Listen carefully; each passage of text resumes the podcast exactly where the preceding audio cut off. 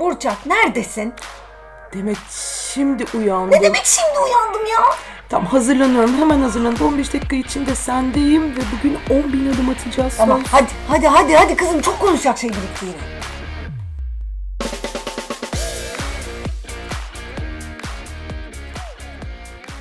On bin adım. İki kadın. Biraz böyle sanatsal bir şeylerden e, konuşalım bugün. Çünkü şu anda şehirde bir dolu bir şeyler oluyor. E, haliyle yani sezon itibariyle. E, ama e, çok önemli bir büyük bir sanat etkinliği var. E, ve de çok önemli, çok tarihi bir mekanın e, aslında hizmete girmesiyle de çok alakalı. Ne demek istiyoruz? Art İstanbul Fesane Tate'in Dinamik Göz e, adlı sergisine ev sahipliği yapıyor. 19 Mayıs'a kadar devam edecek. E, ve bu pek çok açıdan önemli. E, biz de senin açılışına gitmiştik. Orada e, izleme şansına sahip olduk. Burçak'cığım. E, ama yani hem senden biraz e, Fesane binası tarihi, bu mekanların, tarihi mekanların e, nasıl tekrar günümüze kazandırıldığı ve aslında o geçmişten gelen özelliklerinin bugün belki de ne anlam ifade ettiği gibi bir takım şeyleri dinlemek isterim. Çok güzel anlatıyorsun onları çünkü. Ama öbür taraftan da bu sergi neden önemli bir sergi? E, ve sergiye giderken de e, ne beklemeli? Çünkü hani böyle Tate'in ismini duyunca e, Tate'i bilenler Tate modernden kaynaklı başka bir beklentiye girebilirler. E, orada hani biraz da ben bu optik ve kinetik sanattan da bahsetmek istiyorum diye gündemi ajandayı sundum. Yani Tate modern isminin çağrıştırdığı hani her şeyin güncel olması anlamına gelmediği için aslında benim beklentimi çok karşıladı biliyorsun. Evet. Açılış sırasında bir saat boyunca bir de bir saatten daha fazla bir süre boyunca aslında gayet şanslı bir biçimde hem Tate Modern'in çeşitli yetkililerinin işte küratörün, Evet. direktörünün, e, iletişim direktörünün anlattıklarını ve İBB tarafında da İBB Miras'ın e, işte Oktay Bey'in, Mahir Bey'in anlattıklarını falan da dinleme şansımız oldu. Dolayısıyla süreç hakkında da bu vesileyle bilgi sahibi olduk. Bir de e, yani dinamik gözün ben tam olarak modern e, yani çünkü modern dediğimizde bir periyod aslında yani modern dediğimiz bugüne ait olması gerekmiyor. Sanatta modern bir dönemi de kapsadığı Tabii için tabii. ben o dönemi çok güzel yansıttığını düşünüyorum. Ayrıca tasarımla ve e, bir anlamda matematikle, geometriyle, bilimle çok ilişkili bir şey olduğu için bu kinetik e, sanat ya da işte aslında göz yanılmasına dayalı olan e, sanat biçimi doğrusu ben e, beklediğimi buldum. Beni şaşırtan şey şey olmuştu biliyorsun. Yani hadi ya gerçekten bunların gerçeklerini mi getirmişler Tabii. diye düşündüğüm bir profesyonel deformasyonum oldu orada Ya tabii. burada ben bir hemen şey açıklamak istiyorum yani e, kinetik ve optik sanat nedir diye birazcık ondan bahsetmek istiyorum. E, aslında 1950 ve 1960'larda ortaya çıkan bir sanat e, akımından yani ya sanat yaklaşımından e, bahsediyoruz. Bu e, kinetik sanatın öncüsü Macar asıllı Viktor Vasarely. Onun da eserlerini de bu sergide görmek mümkün. Aynen dediğin gibi yani bir şeyin başlangıcını yapmış adamın eserini orada kendi gözlerinle görmek o anlamda çok etkileyici. Biliyorsun ben tereddüt ettim herhalde replikalarını getirdiler falan Yok dedim. Yok bayağı inanamadım gerçekleri vardı. Ee, 1930'larda başlıyor ama 1955'te manifestosunu yayınlıyor Paris'te. Ee, ama şimdilerde de kinetik sanatın merkezi artık New York olarak geçiyor Paris değil. Yani Paris her zaman zaten önemli. Amerika'daki en önemli isimlerden biri de Alexander Calder. Peki nedir bu kinetik sanat? Kinetik sanat aslında hani e, biraz beklentiyi de doğru se- belirlemek adına illüzyon, biraz göz yanılgısı ilkesi üzerine ilkesi üzerine kurulu bir e, yaklaşım. E, tamamen hani ma- hareket, e, işte hareket halindeki objelerin e, bizim gözümüzle algılanmasından e, bir farklı bir deneyim ortaya çıkartmak amacıyla ortaya çıkan bir yaklaşım. E, matematik, renk, algı, fizyoloji, e, psikoloji aslında bunların hepsini içinde barındıran bir şey. E, ne, ne gibi şeyler oluyor mesela? Optik yanılsamalar E, işte o hani görsel ikilikler sanki statik gibi gözüken ama aslında dikkatli baktığın zaman hareket ediyormuş gibi. Senin bu vertigonla görmemen Harika. gereken şeyler. Evet süper. Allah'tan bu tetiklenmeyi orada yaşamamıştım. E, Veya hani e, bunu da bu zamanlarda şu anda çok görüyoruz. Hani izley- izleyenin yer değiştirmesiyle aslında görselliğin de değiştiği bir takım çalışmalar. Veya kademeli aydınlatmayla elde edilen o ışık akışından kaynaklı bir takım yine illüzyonlar, algı değişimleri. Veya tabii ki yine sergide de bolca örneğini gördüğümüz kendiliğinden hareket sağlayan üç boyutlu nesneler mesela onlar da çok enteresandı E, ve doğru söylemek gerekirse benim bu tip objeler eserler daha çok ilgimi çekiyor. O zannediyorum hani kendiliğinden hareket olan şeyleri e, daha enteresan buluyorum. İncelemek için de daha fazla ve üzerinde düşünmek için de daha fazla bir neden buluyorum. Evet dediğin gibi burada bayağı bir ayrıldık. Ya bir dakika ya nasıl ya falan deyip sen e, serginin bir köşesinde ben öbür köşesinde yoğunlaştık yani iyi oldu. Yok yani ben e, bu optik sanatın aslında bir miktar e, tasarımla da mimariyle de bilimle de Tabii. çok ciddi ilişkisi olduğunu düşündüğüm için bu optik yanılsamaların hepsinin aslında bilimsel açıklamaları var. Ben böyle e, bu tür sergileri daha çok bir bilim müzesi geziyormuşum e, gibi hissediyorum ve optik teorilerle birleştirdiğim eserler benim daha çok ilgimi çekiyor. Kuşkusuz kinetikle ilgili de aynı şey söz konusu. Zaten son dönemlerde bir taktım kinetiklere. Evet. Kinetik heykel yapasım var sürekli. Bunların da enteresan ve insanların dokunmasa bile etkileşime girebilen sanatın bayağı müstesna bir bölüm olduğunu düşünüyorum. Yani orada bunun e, sanat yapıtı, e, sanat estetiği olmasının arkasında da başka bir takım bilimsel verilere dayalı olması gerçekten çok ilgimi çekiyor ve onu çözmek üzerine bakıyorum. Dolayısıyla hani benim beklentimi tam olarak karşıladı. Benim profesyonel bir çelişkiye e, düşmemi neden oldu aslında bu sergi. Çünkü genel olarak hani müzeler özellikle Avrupa müzeleri daha köklü, daha e, işte kuralları ve yönetmelikleri olan müzeler bu tür süreli sergileri, bu tür e, gezici sergileri e, herkese vermezler. Bence bu serginin çok gelmesiyle özel.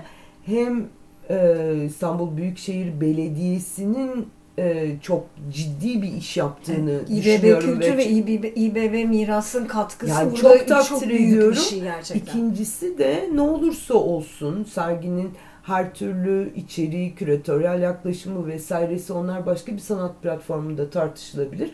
Ama Tate'in belediyeye, fesaneye gelmesinin, fesanenin de e, bir üst gösterime geçmesi için Kesinlikle. son derece önemli Kesinlikle olduğunu katılıyorum. düşünüyorum. Nitekim önemli bir şey söylüyorsun. Yani bu sergi e, koleksiyon daha önce e, Portekiz'in e, Porto şehrindeki Atkinson Müzesi'nde ve Çin'in Şangay şehrindeki e, Pudong Sanat Müzesi'nde sergilenmiş sadece. Yani o, anlamda da İstanbul'a gelmesi ve Fesane'ye gelmesi hani neden bu kadar önemli? Yani niye bundan bu kadar kıyamet kopuyor? Aslında biraz daha altını çizmek için önemli bilgi. Yani şimdi e, hani müzelerin genel işleyişi bağlamında özellikle büyük müzeler e, çok farklı koleksiyonları olup bu koleksiyonları sergileyemeyen sürekli olarak müzeler çünkü biz koleksiyonları değiştiriyoruz. Yani Tabii. elimizde e, çok fazla eser olduğu zaman bir bölümü çıkıyor, bir bölümünü geri alıyoruz E, ve e, büyük müzeler her zaman gezici sergiler planlarlar.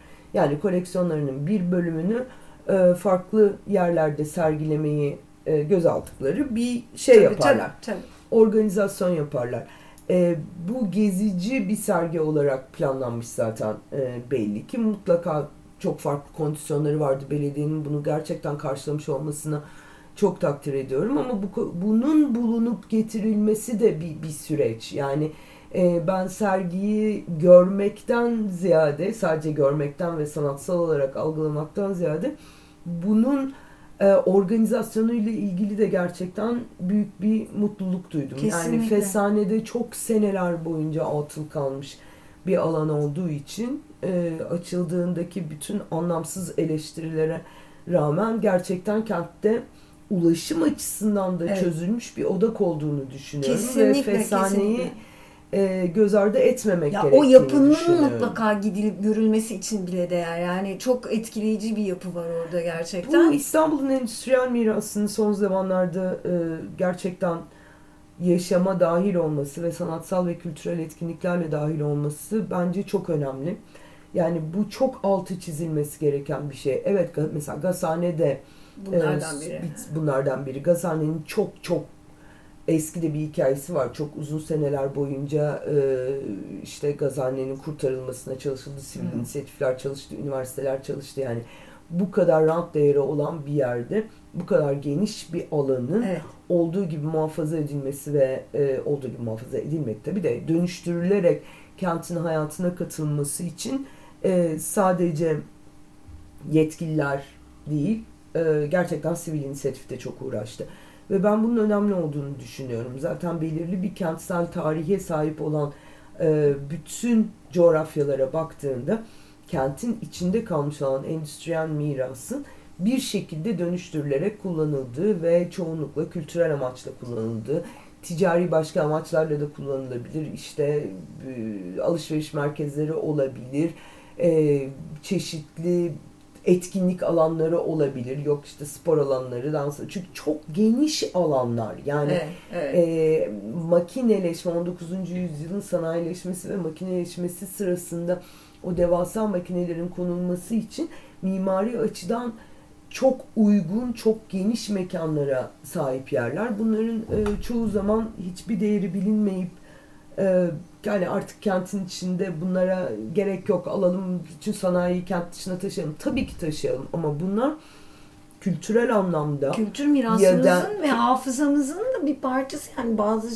şeylerin tabii kentin hikayesi etkinlik de çok anlamlı. yani kentin etkinlik alanları bağlamında bence yeşil alanları kadar önemli Kıymetli yerler. çok çok önemli yerler. Biraz hani e, Feshane'nin geçmişinden bahsedelim mi? Yani tarihi ne orada ne varmış aslında Feshane neymiş? Çünkü bu hikayeler de bana çok enteresan geliyor.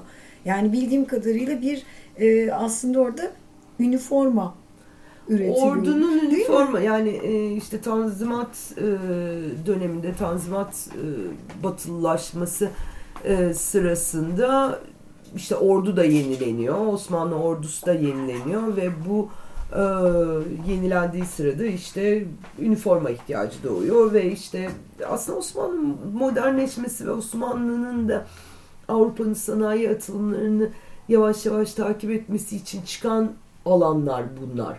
Ve bütün bu alanları tabii kentin içinde yapıyorlar. O zaman tam olarak kentin içinde olmasa bile sanayi alanları olarak ayrılmış yerlerde.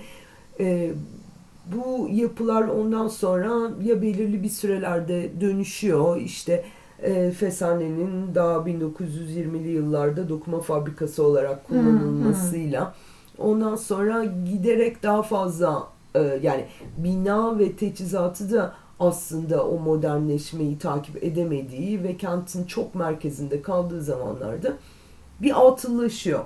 Yani mekanlar çok geniş olduğu için de ne oluyor? İşte fuar alanı olarak kullanılabilir. Evet, bir Ondan sonra ticari alanlar olarak kullanılabilir ama Fesane'nin de Gazhane kadar aslında uzun ve sancılı bir hikayesi var. Yani 2000'li yılların başından itibaren hatta 90'ların sonundan itibaren mütemadiyen bir fesane lafı geçerdi zaten kültür ortamlarında. Şunun için kullanılsın, bunun için kullanılsın. Ay işte tasarım müzesi olsun.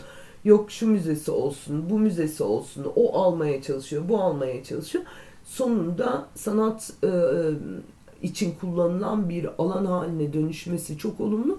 Bir de işletmesi de çok olumlu. Çünkü bazı yerler e, bir şeye dönüştürülüyor. Yani bu tür yapıları mesela hastaneye dönüştürmek daha zor anlatabiliyor muyum? Hep daha etkinlik ve kültür alanlarına dönüştürülüyor eski yapılar. Hoş biliyorsun ben bir müzeci olarak eski yapıların ne yapılacağını Ya. bilinmeyen eski yapıların müzeye dönüştürülmesi ve onun içinde hiçbir şey yapamamıza sonsuz karşıyım ama e, yine de bu alanların kullanılabilmesi için bu şekilde dönüştürülmesi çok olumlu.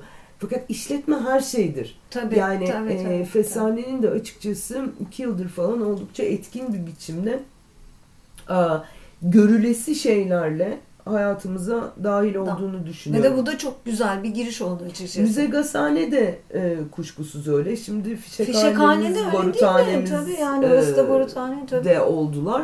Dolayısıyla Ve kent bunlar o- gerçekten hani şehrin içinde sosyalleşmek istediğinde yani çocuklarla da birlikte bir şeyler yapmak istediğinde aslında çok güzel sana imkanlar veren farklı ya alternatifler hafta sunan sonu merkezler hafta yani. sonu kültürel alanları oldular. Gerçekten donanımlarıyla beraber e, şeye girdi. Kültür literatürüne çok hızlı Evet. bir biçimde girdiler. Bir kere daha İstanbul Büyükşehir Evet, Belediyesi'ni tebrik tebrik edelim etmek bunu. istiyorum. Yani Hazır Hani- seçimler yaklaşırken sadece yaptık bıraktık anlamında değil. Yani bir şekilde de oraları işletmesi gündemde hayatta devam ediyor. Yani hayatta kalmaya devam ediyor. Yani evet bu yani bunlar aslında şehri çok zenginleştiren şeyler. Şimdi buradayken bu hazır buraya gelmişken bir şeyden bahsetmek istiyorum. Yani Tate'den bahsedeceğim çünkü e, yani Tate Tate diyoruz da Tate de nedir, kimdir, hani neden bu kadar gündemdedir? Yani Tate aslında e, Avrupa'nın önemli müzelerinden bir tanesi. Hatta Birleşik Kral- Krallığın en önemli müzesi. Ve altında da dört tane müzesi var. E, bunlar işte e, Liverpool, St. Ives, e, Tate Britain ve Tate Modern. Bunlardan en çok biz Tate Britain ve Tate Modern'i duyuyoruz. Hatta en çok aslında e, akıllarda kalan son zamanlarda Tate Modern. Çünkü Tate Modern çıktığından beri gerçekten hem bina çok etkileyici. Yani, endüstriyel miras. Evet. Şimdi o konuyu O da da oraya bir endüstriyel miras zaten. yani. Gerçekten yani 2000 yılında açıldığından beri e, benim de hani son yıllarda en çok gidip tekrar tekrar görmek istediğim ne oluyor diye sürekli takip ettiğim ve e, hani gidip ziyaret etmekten en çok keyif aldığım Avrupa'daki müzelerden e, biri Tate. Ben e, yani tabii ki hani 6. yüzyıldan e, günümüze kadar olan bütün Britanya sanatını sergiliyor Tate ama aynı zamanda 1900'lerden günümüze kadar olan bütün uluslararası modern sanata da ev sahipliği yapıyor. O yüzden Tate Modern'in çok benim için de çok özel bir yeri var. Yani Guggenheim'ı da çok seviyorum ama Tate de böyle ayrı bir yerde. Ben şurada şunu merak ettim. Ya Tate bu kadar e, hani ismini bildiğimiz ve çok ön sırada bir müze ama Avrupa'daki özellikle yani çünkü Amerika'yı vesaireyi biraz nüfus itibariyle dışarıda bırakmak lazım. Daha hakkaniyetli bir karşılaştırma yapmak için. Dedim ki Tate peki hangi kaçıncı sırada ziyaretçi açısından diye şöyle bir baktım. Ve Tate Modern gerçekten 6. sırada. Enteresan bir şekilde ilk ikisi Louvre ve e, Müze d'Orsay Paris'te. Şaşırdık mı? Yani bilmiyorum Louvre'a şaşırmadım. Yaklaşık 9 milyon ziyaretçi alıyormuş yılda. Yani gerçekten çok büyük rakamlar bunlar. Yani ben senin bu çıkardığın rakamlardan en son senelerin rakamlarını karşılaştırmışsın. Beni en çok hepsini şaşırtan... söyleyeyim ondan sonra hangisine şaşırdın? Ama şaşırdım. Peki söyle. Yani e, Louvre'un arkasına Dorsey'in gelmesine şaşırdım. Ben- ha, ben de ona açıkçası. çok Ben şaşırdım. onun arkasına e, British Museum'u koyardım. Ve çünkü. çok enteresan bir şekilde British Museum 5. sırada. Neden? 3. sırada Vatikan var. 4. sırada e, yine Londra'daki e, Doğa Tarihi Tarihi Müzesi. Müzesi var. Yani o da inanılmaz bir müzedir ama yani son yıllarda gideyim tekrar tekrar ziyaret ettiğim bir müze değil. Ben ama ederim. yıllık e, sen edersin evet biliyorum. E, sayende Venedik'tekini de görmüş olmuştuk. E, bu Doğa Tarihi Müzesi de yaklaşık 4 milyon e, 650 bin gibi bir rakamda ziyaretçi e, alıyormuş. Louvre'un ziyaretçi sayısını söylemedin esas ki. Dedim ya 9 Ha, milyon 9 milyon, neredeyse 9 milyon. korkunç bir Yani, rakam evet. yani 9 Paris'in milyon. nüfusundan fazla kişi Evet ziyaret yani. ediyor yani diyebiliriz. Tate- Tate'in ziyaretçi sayısı da yaklaşık 4 milyon. Şimdi burada beni yine daha çok e, şaşırtan bir şey de söyleyeyim. 8. sırada neresi var? Mevlana Müzesi Konya. Yani e, tüylerim diken diken oldu bunu gördüğüm zaman. Hani ya- yaklaşık 3 milyon e, 352 bin gibi bir rakamda ziyaretçisi varmış. Hemen arkasından Prado Müzium geliyor. E, Madrid'deki ki yani o da çok Evet, önemli o da bayağı müzelerden. İstiklal Caddesi kıvamında. Evet yani. Benim tabii senin bu bulduğun rakamlarda e, e, benim ilgimi çeken şey Topkapı Sarayı Müzesi'nin olmaması. olmaması. Çünkü e, aslında Topkapı Sarayı Müzesi'nin ciddi bir biçimde ziyaretçi sayısının ben düştüğünü tahmin ediyorum. Türkiye'de özellikle yani son 10 yıla doğru uzayan batılı turistin Evet. gelmemesi bence Türkiye'deki belli başlı enteresan müze, arkeoloji müzesi falan da dahil buna e, bu tür daha bilimsel müzelerin daha az gezilmesini sağladığını düşünüyorum. E, bunu biraz acı buluyorum. Çok. E, tabii. Ben- Çünkü ben çok koleksiyonları itibarıyla yani mesela arkeoloji müzesi, İstanbul Arkeoloji Müzeleri de koleksiyonları itibarıyla inanılmaz bir müzedir. Ama bu gerçekten belirli bir e, kültürel olgunluğa erişmiş ya da belirli bir entelektüel seviyeye gelmiş olan insanları ilgilendirebilecek olan şeyler. Aslında değil. Aslında olmaması lazım. Yani tam tersine hani bir, bir şeyleri sen bilmiyorsan gidip öğrenmek için de yani o merakın olması lazım toplumun içindeki gidip. E, yani şu anda zaten belirli bir eğitim ve bilinç seviyesine gelmiş bir kültür insanı olarak konuşuyorsun. Ya, yani bu ki, olmadığı ki. zaman Maalesef. gideceğin müzenin yani ne bileyim mesela bunun içinde futbol müzesi, Chelsea müzesi de bence Londra'da çok acayip bir biçimde geziliyordur. Anlatabiliyor Belki de, muyum? Belki de. Dolayısıyla e, yani müzelerin zaten bu kadar çeşitlenmiş olması insanların e, isteklerine ve keyiflerine göre gezilebilir bir hale e, gelmesine de bir yol açıyor. Bence bu çok iyi bir şey ama şurada saydığım müzelerin e, çoğu aslında sanat müzesi. Bu da demektir ki bir sanat müzesi e, yoğunluğu var. Yani insanlar Evet, belki sanata daha çok ilgi gösteriyorlar. Sanatla daha doğrudan ilişki kuruyorlar ya da müze denince sanat geliyor akla. E, yani evet ama ya şimdi tekrar listeye şöyle bir düşünüyorum da tabii bu listenin içinde bir de tabii yani ilk onun içinde Hermitage da var. St. Petersburg'daki. Yani Doğa Tarihi Müzesi olmasında mesela ben çok iyi anlıyorum. Sana da doğa tarihi sevgisi aşılayacağım. Çünkü hani en büyüğünden en küçüğüne kadar bilim ve doğa müzelerini gittiğim her yerde gezmeye özen gösteriyorum. Doğa tarihi müzeleri en eski müze türlerinden bir, Bir tanesi, tanesi. olduğu için e, her zaman içinde çok enteresan şeyler bulunabilir. Keza Londra ve Paris'teki doğa Evet. tarihi müzelerinin en çok gezilenler listesinin içine girmeleri iyi yorumlama yani doğayla ilgili, coğrafyayla ilgili, bilimle ilgili konuları iyi yorumlayıp inanılmaz bir takım koleksiyonlarla yani yüzyıllara sahip koleksiyonlarla bunları daha çağdaş bir biçimde sunmalarından Ya kaynaklanıyor. küçükken ben şeyi hatırlıyorum yani Ankara'da en çok gitmekten keyif aldığım yerlerden bir tanesi etnografya müzesiydi. MTA Müzesi Evet. O Evet. değil. O Me- MTA Müzesi. Ben- Etnografya Müzesi Ulus'taki. Tamam olsun ben ikisini de çok severdim ama MTA Müzesi gerçekten çok e, hakikaten etkileyiciydi Evet ve canım. tekrar tekrar gitmek isterdim Mamut yani. gördüğümüz Evet, yegane evet. yerdi. Tabii şimdi burada da çok haklısın. Küçükken diye başlıyorsun. Yani bu doğa tarihi müzelerinin gelişkin, iyi, bilgiye doğru ulaşılan ve e, hani görsel olarak da çekici doğa tarihi müzelerinin ki ikisi de öyle. Bu kadar çok gezilmesinin nedeni de aslında gençlere ve çocuklara çok doğrudan hitap etmeleri. Evet. Unutma ki bir çocuk iki e, ebeveyn demek. E, yani tabii ki de. bu sayıların artması, buralarda ders yapılması. Yani e, hani müze dediğin şey sadece gezilip çıkılan bir yer değil. Buralara sürüler halinde okullar da E, tabii, gidiyor. tabii. Yani bütün okulların da gittiği, okulların da ziyaret ettiği bazı derslerini oralarda e, yaptıkları durumda tabii ki müzenin bu olanaklarıyla ziyaretçi sayısı çok fazla artıyor. Yine bütün bu saydığın müzelerin tamamında aslında ziyaret edilse de küçük bir araştırma yapılsa da çok çeşitli etkinlikler olduğu ve bu etkinliklerin de müzenin sirkülasyonunu çok Etkilediği etkilediği bir gerçek. yani işte Louvre'un bin tane salonunda her gün bir konferans vardır, bir film gösterimi vardır, bir tartışma vardır, bir atölye çalışması vardır, bir bir şey vardır. Keza Orsay'da da öyle yani. Bunlar sadece gezilip çıkılan yerler değil. Aynı zamanda gündelik hayatın içinde tekrar tekrar kullanılan ve gidilen yerler.